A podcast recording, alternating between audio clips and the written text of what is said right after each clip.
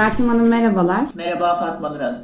E, bugün hem Vatan Partisi'nden, Öncü Kadın'dan, Türkiye'deki kadınların durumundan ve bu anlamda yasal düzenlemelerden bahsedeceğiz.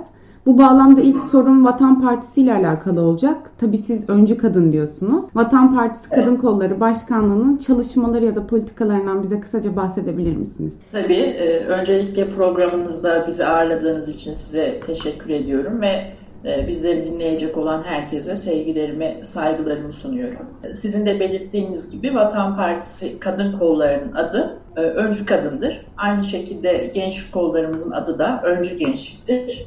E, kadın ve genç kollarının bu isimlendirmesi partimizin öncü niteliğine ve bir örgütlenme geleneğine işaret eder. Kadınlara ve gençlere çok yakıştığını da ayrıca belirtmeliyim.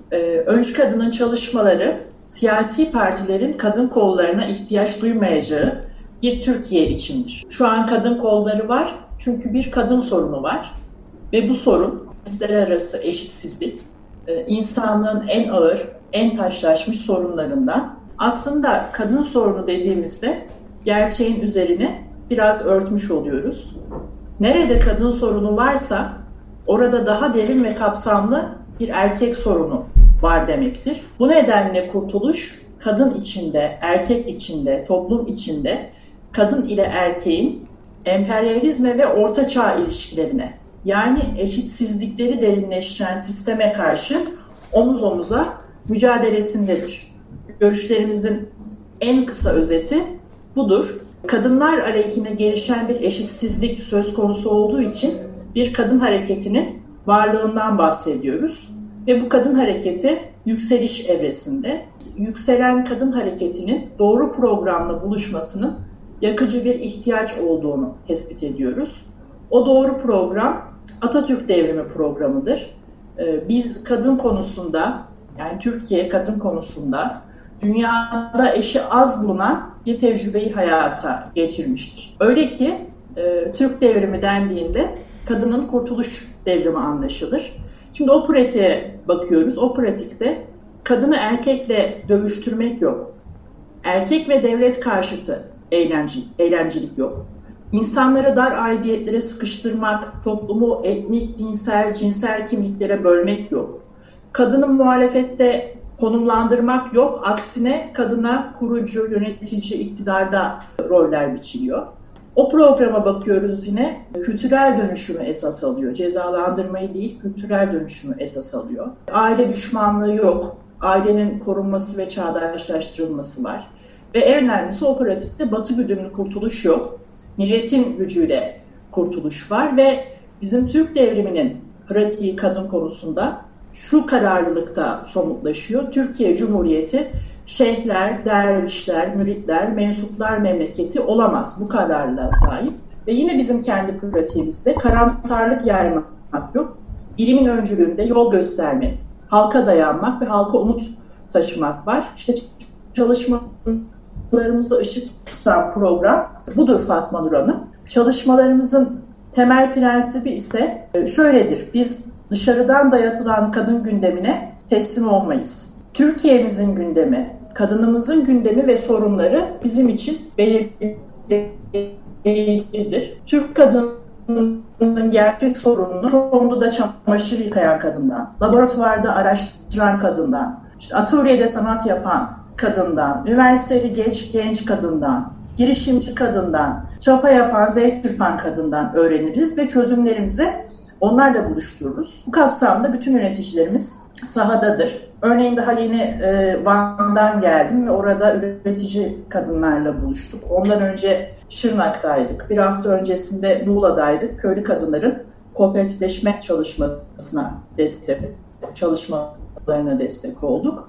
Ee, özetle bizim çalışmalarımızı Türkiye'nin kadın feryatları belirler. Nedir bu feryatlar? Şimdi en önemlisi işte e, evladını terör örgütünden kurtarmaya çalışan Diyarbakır analarının feryadı. Onların sesini ilk duyan ve yanlarına e, ilk koşandık. Kahraman kadınlardır Diyarbakır anneleri. Hepsinin ellerinden e, öpüyorum. Dört küsür gündür nöbet tutuyorlar. Türkiye'nin bir köşesinde kadınlar destan yazıyor. Şimdi bu durumda kadın örgütlerinin akın akın oraya gitmesini beklersiniz. Ama gitmediler. Neden? Çünkü bir kısmı PKK'nın siyasi uzantısı HDP'yi küstürmek istemiyor. Bir kısmı da PKK'ya binlerce tır silah veren Amerika'nın liderlik ettiği Batı'nın ideolojik etkisinden sıyrılamıyor. Sonuç olarak kendi toplumuna, kendi kadınlarına yabancılaşıyorlar. 13-14 yaşındaki çocukların dağa kaçırılmasına, kalem tutması gereken ellerine silah vermesi, verilmesine sesi çıkmayanlar e, insan haklarını, kadın haklarını, çocuk haklarını e, ağzına almamalı. Çok açık biçimde e, ifade etmek mecburiyetindeyim.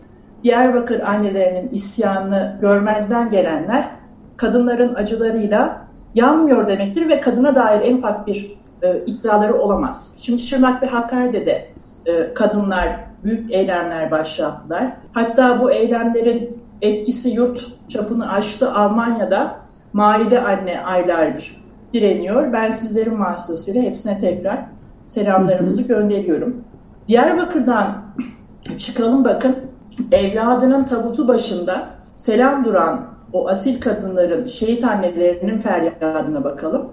Onların feryadı da bizim feryadımızdır. Omuz omuzayız. Çünkü biliyoruz ki her şeyden önce bağımsız bir Türkiye'de huzur ve güven içerisinde yaşamamız mümkündür. Bu yaşama hakkını e, savunuyoruz. Aksi mümkün olamaz. Eğer ülken esirse çünkü o ülkenin kadını olarak sen de esirsin demektir. Ve yine Emine Bulut'un ve yüzlerce kadının ölmek istemiyorum feryadı bizim feryadımızdır. Okumak isteyen kızların hayalleri bizim hayallerimizdir. İşte 13 yaşında zorla evlendirilen Cemile'nin feryadı bizim feryadımızdır. Ağanın, şeyhin yok saydığı, yok saydırdığı kadınları var etmek de bizim görevimizdir diye düşünüyoruz ve çalışmalarımızı buna göre şekillendiriyoruz. Ee, güncel çalışmalarımızı ben örneklendirerek detaylandırmak isterim. Tabii. Ee, birinci olarak kadının toplum hayatında ve üretimde yer almasına, gelişmesine, kadına iş ve kazanç olanağı sağlanmasına, çalışan kadınların hayatlarının kolaylaştırılmasına, kadının ekonomik girişimciliğin özendirilmesine ve bunlarla bağlantılı alanlara öncelik veriyoruz. Partimiz bir üretim devrimi programı hazırladı. Çok değerli bir programdır. Vaktimiz dar olduğu için detaylandıramıyorum. Hı hı. Ee, biz bu programı işte kadın kitle örgütlerini, kadın kooperatiflerini, iş kadını derneklerini, sendikaları ziyaret ederek e, ulaştırıyoruz. E, kamuoyunun tartışmasına sunuyoruz. Yine çeşitli konularda çalıştaylar düzenliyoruz. Şu an nafaka konusu gündemde biliyorsunuz. Nafaka Geçen hafta bir nafaka çalıştayı düzenledik. Ondan, ondan önce çocuk cinsel istismarı ile mücadele çalıştayı düzenlemiştik. Çocuk hakları konusunda da e, oldukça birikimli ve uzman bir ekiple çalışıyoruz. Çocuk gelişimini olumsuz etkileyen ve istismarı meşrulaştıran yayınlara hızla müdahale ediyoruz. Hatırlayacaksınız Netflix'in Minnoşlar dizisi, işte bir yazarın Gül ve Düşün kitabı e, çok tartışılmış. Yine YouTube hesaplarında e, çocuk istismarını meşrulaştıran e, çokça yayın var. Bunların hepsine hızla müdahale etmeye gayret gösteriyoruz. Aynı şekilde kitle iletişim araçlarında kadını aşağılayan ve gerileten anlayışlara karşı da bir mücadele yürütüyoruz. Yakıcı gördüğümüz, çözülmesi gerektiğini düşündüğümüz sorunlarla ilgili e, raporlar hazırlıyoruz ve bunları kamuoyuyla paylaşıyoruz. E, örneğin şu an arkadaşlarımız fuhuş konusunda bir e, çalışma yürütüyor.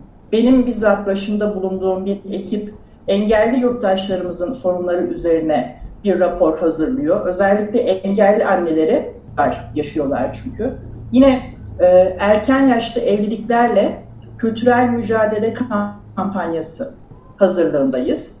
Çalışmalarımızın e, bir kısmını da salgın döneminde e, özellikle şimdi dijital olanaklara e, daha fazla alışmaya, onları daha iyi değerlendirmeye başladık. Eğitim ve konferanslar düzenliyoruz. Bunlar bilgilendirme şeklinde olabildiği gibi işte kültürel anlarda da olabiliyor.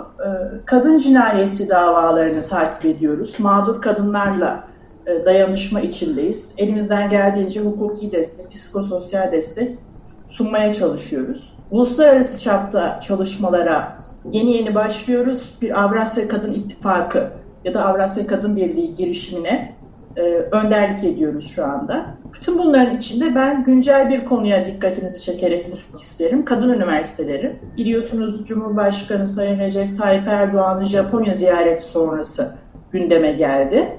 Kesinlikle bütün kadınların hatta erkeklerin de çünkü erkekleri de potansiyel tehlike olarak gören bir e, anlayışın tezahür üniversiteleri girişimi. E, e, bu girişimi bertaraf etmesi gerekiyor. Kadın üniversitelerine karşı çıkması gerekiyor. E, 1900'lerin Japon yaşamıyoruz. Bizim karma eğitim gibi bir sorunumuz şu an yok. Kadınları, kadınlar istedikleri üniversiteye girip, istedikleri bölümlere girip e, okuyabiliyorlar. E, kadın üniversitesi demek, kadını kafese kapatmak demektir. Bununla ilgili bir açıklama yapmıştık. Yine kadın üniversitelerine karşı ilk açıklamayı e, yapandık. Bu burası bir çıkmaz. Diyelim kadın üniversitesi açtınız. Sonra ne yapacaksınız? Yani fen bölümlerinden mezun ettiğiniz kadınlar için ayrı kadın laboratuvarları mı kuracaksınız? Kadın mahkemeleri mi kuracaksınız? Kadın şehirleri mi kuracaksınız? Çıkmaz. Dünyadaki örneklerinin hepsi de başarısız. Kadın üniversitesi e, olan ülkelere baktığınızda o üniversitelerini incelediğinizde hepsinin başarısız olduğunu e, göreceksiniz. E, yani kadınlara reva görülen şey bu mu? Başarısız üniversitelere yönlen onları derhal dolayısıyla bu girişimden vazgeçilmesi gerekiyor. Evet. Aslında çalışmalarınızla e, ikinci soruyu da cevaplamış oldunuz. Mevcut Türkiye koşullarında kadınların durumunu isteyecektim sizden nasıl özetleyebileceğinizi. Evet. Ancak soruyu biraz daha evireceğim. Sizce kadın sorunu dedik ama siz toplum sorunu olarak adlandırdınız. Hani erkek sorunu, kadın sorunu dediniz. E, bu sorunla alakalı Türkiye'de kurumsal bir altyapıdan bahsedebilir miyiz? Yani bunu toplumu dönüştürmek için yapılan bir altyapı var mı kurumsal? Muhakkak çabalar var ama yeterli olduğunu e, söyleyemeyiz. E, çünkü hukuki alanda e, yoğunlaşan çabalar var. Oysa ki büyük bir toplum gerekli. Dolayısıyla daha geniş biçimde sorunun ele alınması şart. Bu nedenle yeterli olduğunu söylemek mümkün. Şimdi biz şunu görüyoruz. Kadınların konumunda gözle görülür olumlu değişimler var. İşte çalışma hayatında, bilimde, sanatta, üretimde fazla yer alıyorlar. Daha dün milli sporcumuz e, Fatma Uruk 3 günde 3 dünya rekoru kırdı Meksika'da ve bizi gururlandırdı. Aynı şekilde yine dün e, İlke Özyüksel işte Polonya'dan altın madalyayla döndü. Sağlık sürecine bakıyorsunuz. Sağlık çalışanlarının e, yarısı kadın en ön safta savaşıyorlar. Yine bilim kadınlarımız insanlığı kurtar kurtaracak aşıların üretilmesinde görev alıyor. Ama bir yandan da eşit işsizlikler, baskılama, ayrımcılık devam ediyor. Tamamıyla ortadan kalkmış değil. Şimdi geziyorum Türkiye'yi, bütün arkadaşlarımız dolaşıyorlar. Oralarda çok net biçimde görüyoruz ki kız çocuklarının okullaşma oranı artsa da hala okutulmayan kızlarımız var. Bilmeyen kadınlarımız var. Erken yaşta evlendirilen kızlarım, kızlarımız var. Sağlık hakkına erişemeyen kadınlar var. Kadın hastalıkları konusunda sahip olmayan kadınlar var. Çalışma hayatından koparılan kadınlar var. Çalışmak isteyen, üretmek isteyen ancak elinden tutulmaya arkadaş denmeyen kadınlarımız var. Ee, ve ne yazık ki kadına yönelik ayrımcılığın en ağır biçimi olarak, en ağır biçimi olarak kadına şiddet var, kadın cinayetleri. Bunları elbette değiştireceğiz. Bunları değiştirmek hı hı. için mücadele ediyoruz. Kadına yönelik her türlü ayrımcılığı bütün toplumsal temelleriyle ortadan kaldıracağız. Ama işte bunu yapabilmek için önce o toplumsal temelleri e, tarif etmek ve e, geniş çaplı, daha bütünlüklü bir mücadeleyi e, devlet katından başlayarak örgütlemek gerekiyor. Evet dediğiniz gibi aslında bu sömürü baskı ya da ayrımcılık her e, alanda herkese eşit bir şekilde uğramıyor bu sömürüye ya da baskıya. Yani bu daha batı kısmı diyebiliriz ya da okumuş kısım bu sömürüden daha az etkilenebiliyorken ya da baskıdan daha e, sizin de Türkiye'yi geziyorsunuz doğu kısımlara ya da İç Anadolu kısımlarına gittiğimizde okutulmayan kız çocukları var hala dediğiniz gibi. Aslında özeti bu oluyor. Bununla bağlantılı bir sorum daha var. Aslında siz yine buna da cevap vermiş oldunuz ama ben daha çok siyasi kısmını sorayım o zaman size. Siyasette kadınların temsil Güzel, en önemli kısım Aynen, bence. tam da içinde olduğunuz bir alan. Siyasette kadınların temsil oranının yükseltilmesi ya da kota uygulamalarından da bahsedebiliriz. Kadınların bu anlamda karşısına çıkan engellerde yapılan düzenlemeleri yeterli buluyor musunuz? Ya da Vatan Partisi'nin içerisinde bir kota uygulaması var mı? Partimizin bir kota uygulaması yok. Ee, şimdi bunu açacağım size biraz. Öncelikle şunu ifade edeyim. Kadınların siyasal mücadeleye, iktidar mücadelesine katılımını ve yönetim mekanizmalarında yer almasını diğer alanlara ilişkin çözümünde kilit olarak görüyorum. Bu konunun belirleyici olduğunu düşünüyorum. Bu nedenle de bütün kadınları siyasete davet ediyorum. Çünkü önce kadın isteyecek. Ben bilmem, ben anlamam demeyecek. Yıllarca bize kürsülerden, televizyonlardan, evlerimizin aşıladılar. Oysa ki anlarız, yaparız. Hiçbir eksiğimiz yok. Aksine biz yoksak her şey eksik. Kadınlar adım atacak ki deki engelleri el ele vereceğiz ve birlikte temizleyeceğiz. Tabi burada siyasete girdiğinde de kadınlar ya da demokratik kitle örgütlerinde diyelim örgütlenmenin ilk adımı olarak görev almaya başladığında kadın yalnızca kadın sorunuyla uğraşsın diye bir anlayış var. Bu anlayışı da biz kabul etmiyoruz. Kadın yalnızca kadın sorunuyla uğraşırsa yani iktidar mücadelesinin dışında kalırsa başarıya ulaşmak mümkün değil. Tabii temsiliyet sorunu deyince akla ilk olarak kota uygulaması geliyor. Evet. Ee, ne kadar işlevli olduğu, başarılı olduğu uygulamanın. Kota koyan partiler var ama hangisi uyguluyor? İşte kadın kotasından erkeklerin e, alındığını, işte seçimlerde kaç kadın aday gösteriliyor? Gösterilse böyle birçoğu e, üzülerek ifade etmek zorundayım. Vitrin süsü gibi değerlendiriliyor. Ailenlerin kaçı üst sıralarda seçilebilecek yerlerden. E, dolayısıyla kota uygulaması bir çözüm değil. İş dönüp de anlayış sorununda düğümleniyor. E, siyasi partilerin en alttan en tepeye kadar eşitlikçi bir anlayış inşa etmeleri ve bunu içselleştirmeleri e, birinci mesele kadınların dezavantajlı konumunu giderecekler. Elbette kadınların siyasette karşılaştıkları sorunlar var. Bu kadınların özetle şunu söyleyeyim. İş dönüp dolaşıp iş sorununda düğümleniyor. Siyasi partiler en alttan en tepeye kadar eşitlikçi bir anlayışı inşa etmek mecburiyetinde, bunu içselleştirmek mecburiyetindeler. Eğer içselleştirmezlerse göstermelik uygulamalarla yetinmek durumunda kalır. Kadınların siyasette dezavantajlı konumlarını gidermek e, gerekir. Çünkü siyaset hakikaten erkek egemen e, bir alan ve bunun ben en temelde tekrar ifade ediyorum anlayıştan geçtiğini düşünüyorum. Biz e, Vatan Partisi'nde e, özel bir kadro plan süreçleri yürütüyoruz. Örneğin kurultay dönemindeyiz. E, hem öncü kadın örgütümüz hem de partimizin genel merkezi başkanlıkları, ilçe başkanlıkları, kadınların yönetim mekanizmalarında daha fazla yer alması, kadın yöneticilerinin sayısının artması, yani kadın etki sahibi olması için özel çalışmalar yaparlar ve bunu yaparken kotaya ihtiyaç duymazlar. Çünkü asıl olan kadınların ve e, yönetici konumda bulunanların iradesine işin. O zaman son soruya geçiyorum Meltem Hanım. Ee, İstanbul Sözleşmesi ve 6284 gibi yasal düzenlemelerle alakalı bir sorumuz olacak. Bu yasal düzenlemelerin varlığı ile amaca uygun uygulanması arasında farklılıklar olduğuna ilişkin bir kamuoyu görüşü var. Bir, bunu nasıl değerlendirdiğinizi e, soruyorum. İkincisi de öncü kadının politikalarında bu konuya dair bir çalışma var mı? Elbette ki var. Ee, biz Vatan Partisi olarak İstanbul Sözleşmesi'ne karşıyız. Öncelikle bunu belirtmeliyim. Tek eşitliğini savunduğumuz ve kadına yönelik şiddeti engellemekte kararlı olduğumuz için İstanbul Sözleşmesi'ne karşıyız. Çünkü İstanbul Sözleşmesi kadını özgürleştiren bir düzenleme değil, çürüyen sistemi yayan bir dayatmadır. Bugün kadına şiddet diyecek sihirli bir formülmüş gibi sunulan İstanbul Sözleşmesi, Türkiye Büyük Millet Meclisi'nden apar topar yalnızca 26 dakikalık görüşmeyle geçiriliyor. Ee, Vatan Partisi sözleşme konusunda detaylı ve bilimsel bir çalışma yaptı. Bunu gönül rahatlığıyla ifade edebilirim.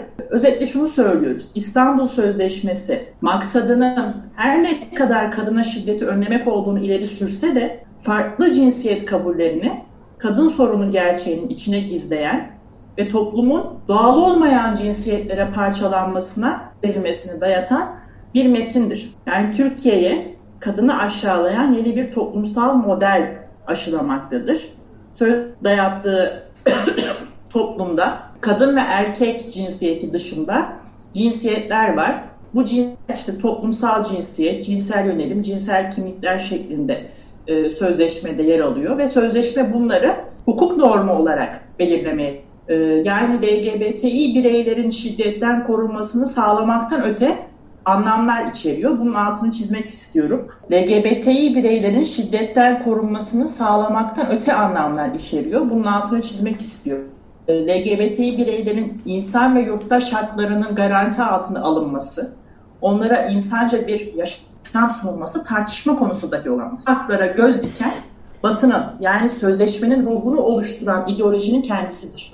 Çünkü bu vatandaşlarımızı cinsel kimliklerine hapsedip onları cinsellikleriyle var ederek ve konumlandırarak en büyük zararı e, yine onlara vermektedir. Halbuki her insan ürettikleri, çıkardıklarıyla vardır ve herkesin fırsatlara eşit biçimde ulaşabilmesi gerekme, gereklidir.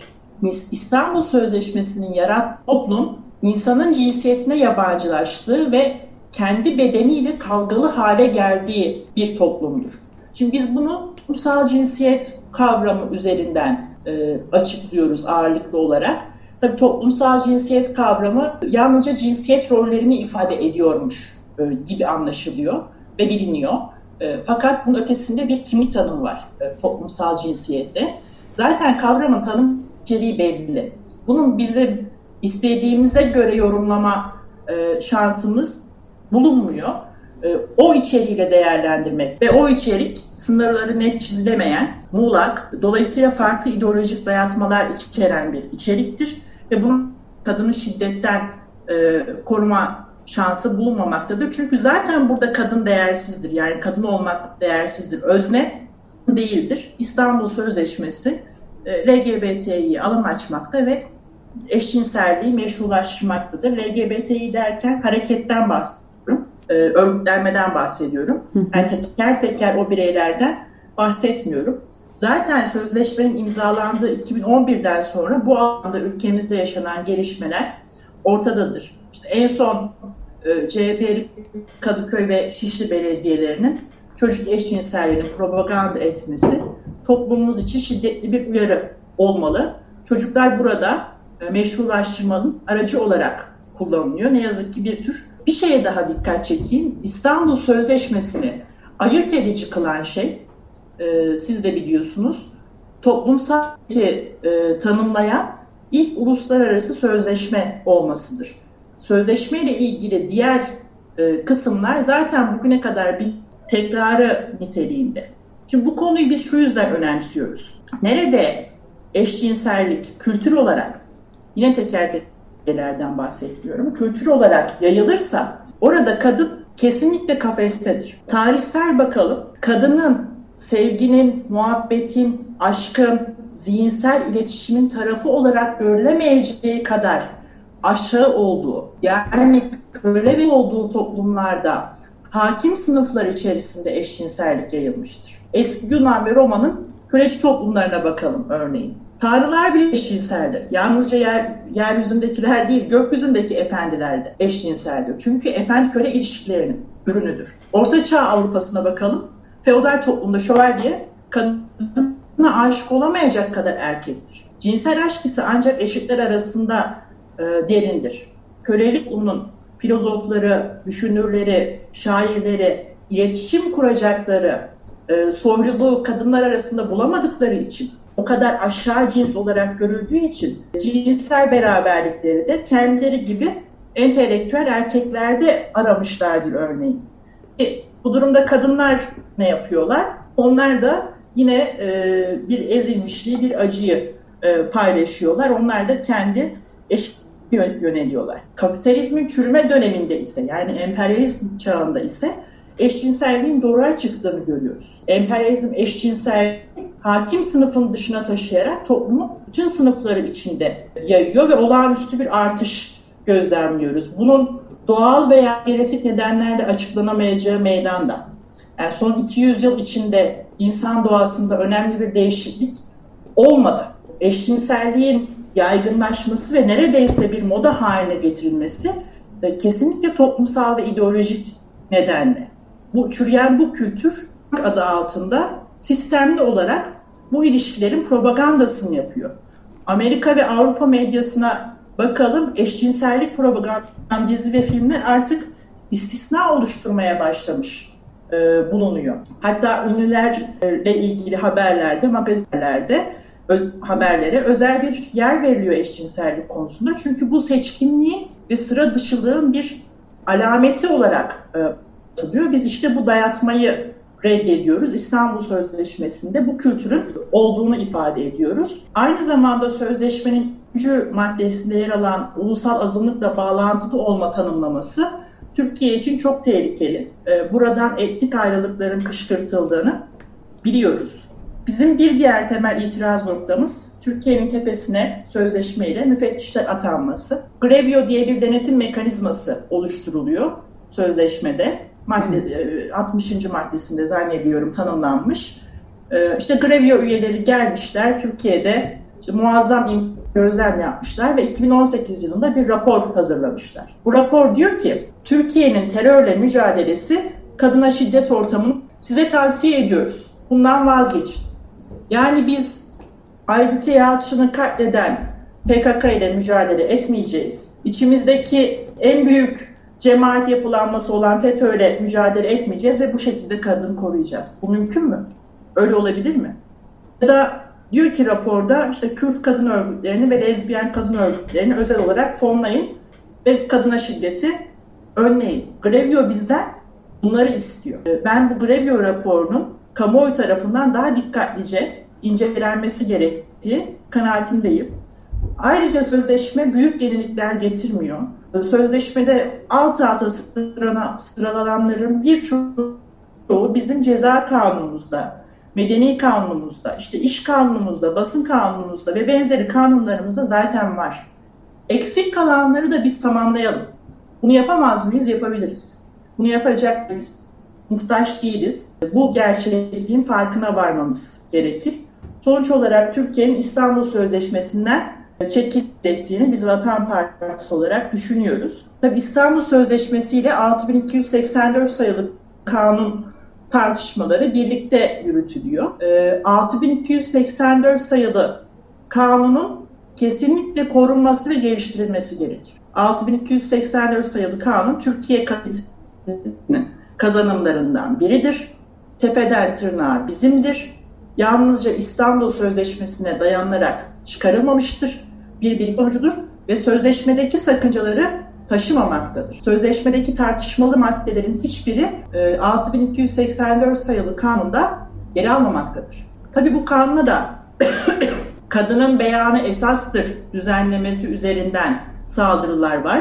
Bu son derece yanlış. Kadının beyanı esastır düzenlemesi şiddet mağduru kadının öncelikli olarak yaşam hakkını korumaya döneme bu nedenle 6284 sayılı kanunla ilgili tartışmaların hızla kamuoyu gündeminden çıkarılması gerektiğini düşünüyoruz. Bu korunmalı ve geliştirilmelidir. Uygulamada bir takım aksaklıklar var bu aksaklıkları gidererek 6284'ü geliştirmemiz gerekir. Son olarak yasal düzenlemelerle ilgili şunu söylemem gerekir, e, söylemeliyim. E, özellikle feminist örgütler eliyle millet kadını korumuyor, yasalar kadını korumuyor propagandası yaygın biçimde yapılıyor. E, bu durumun tabi eleştiriler olur.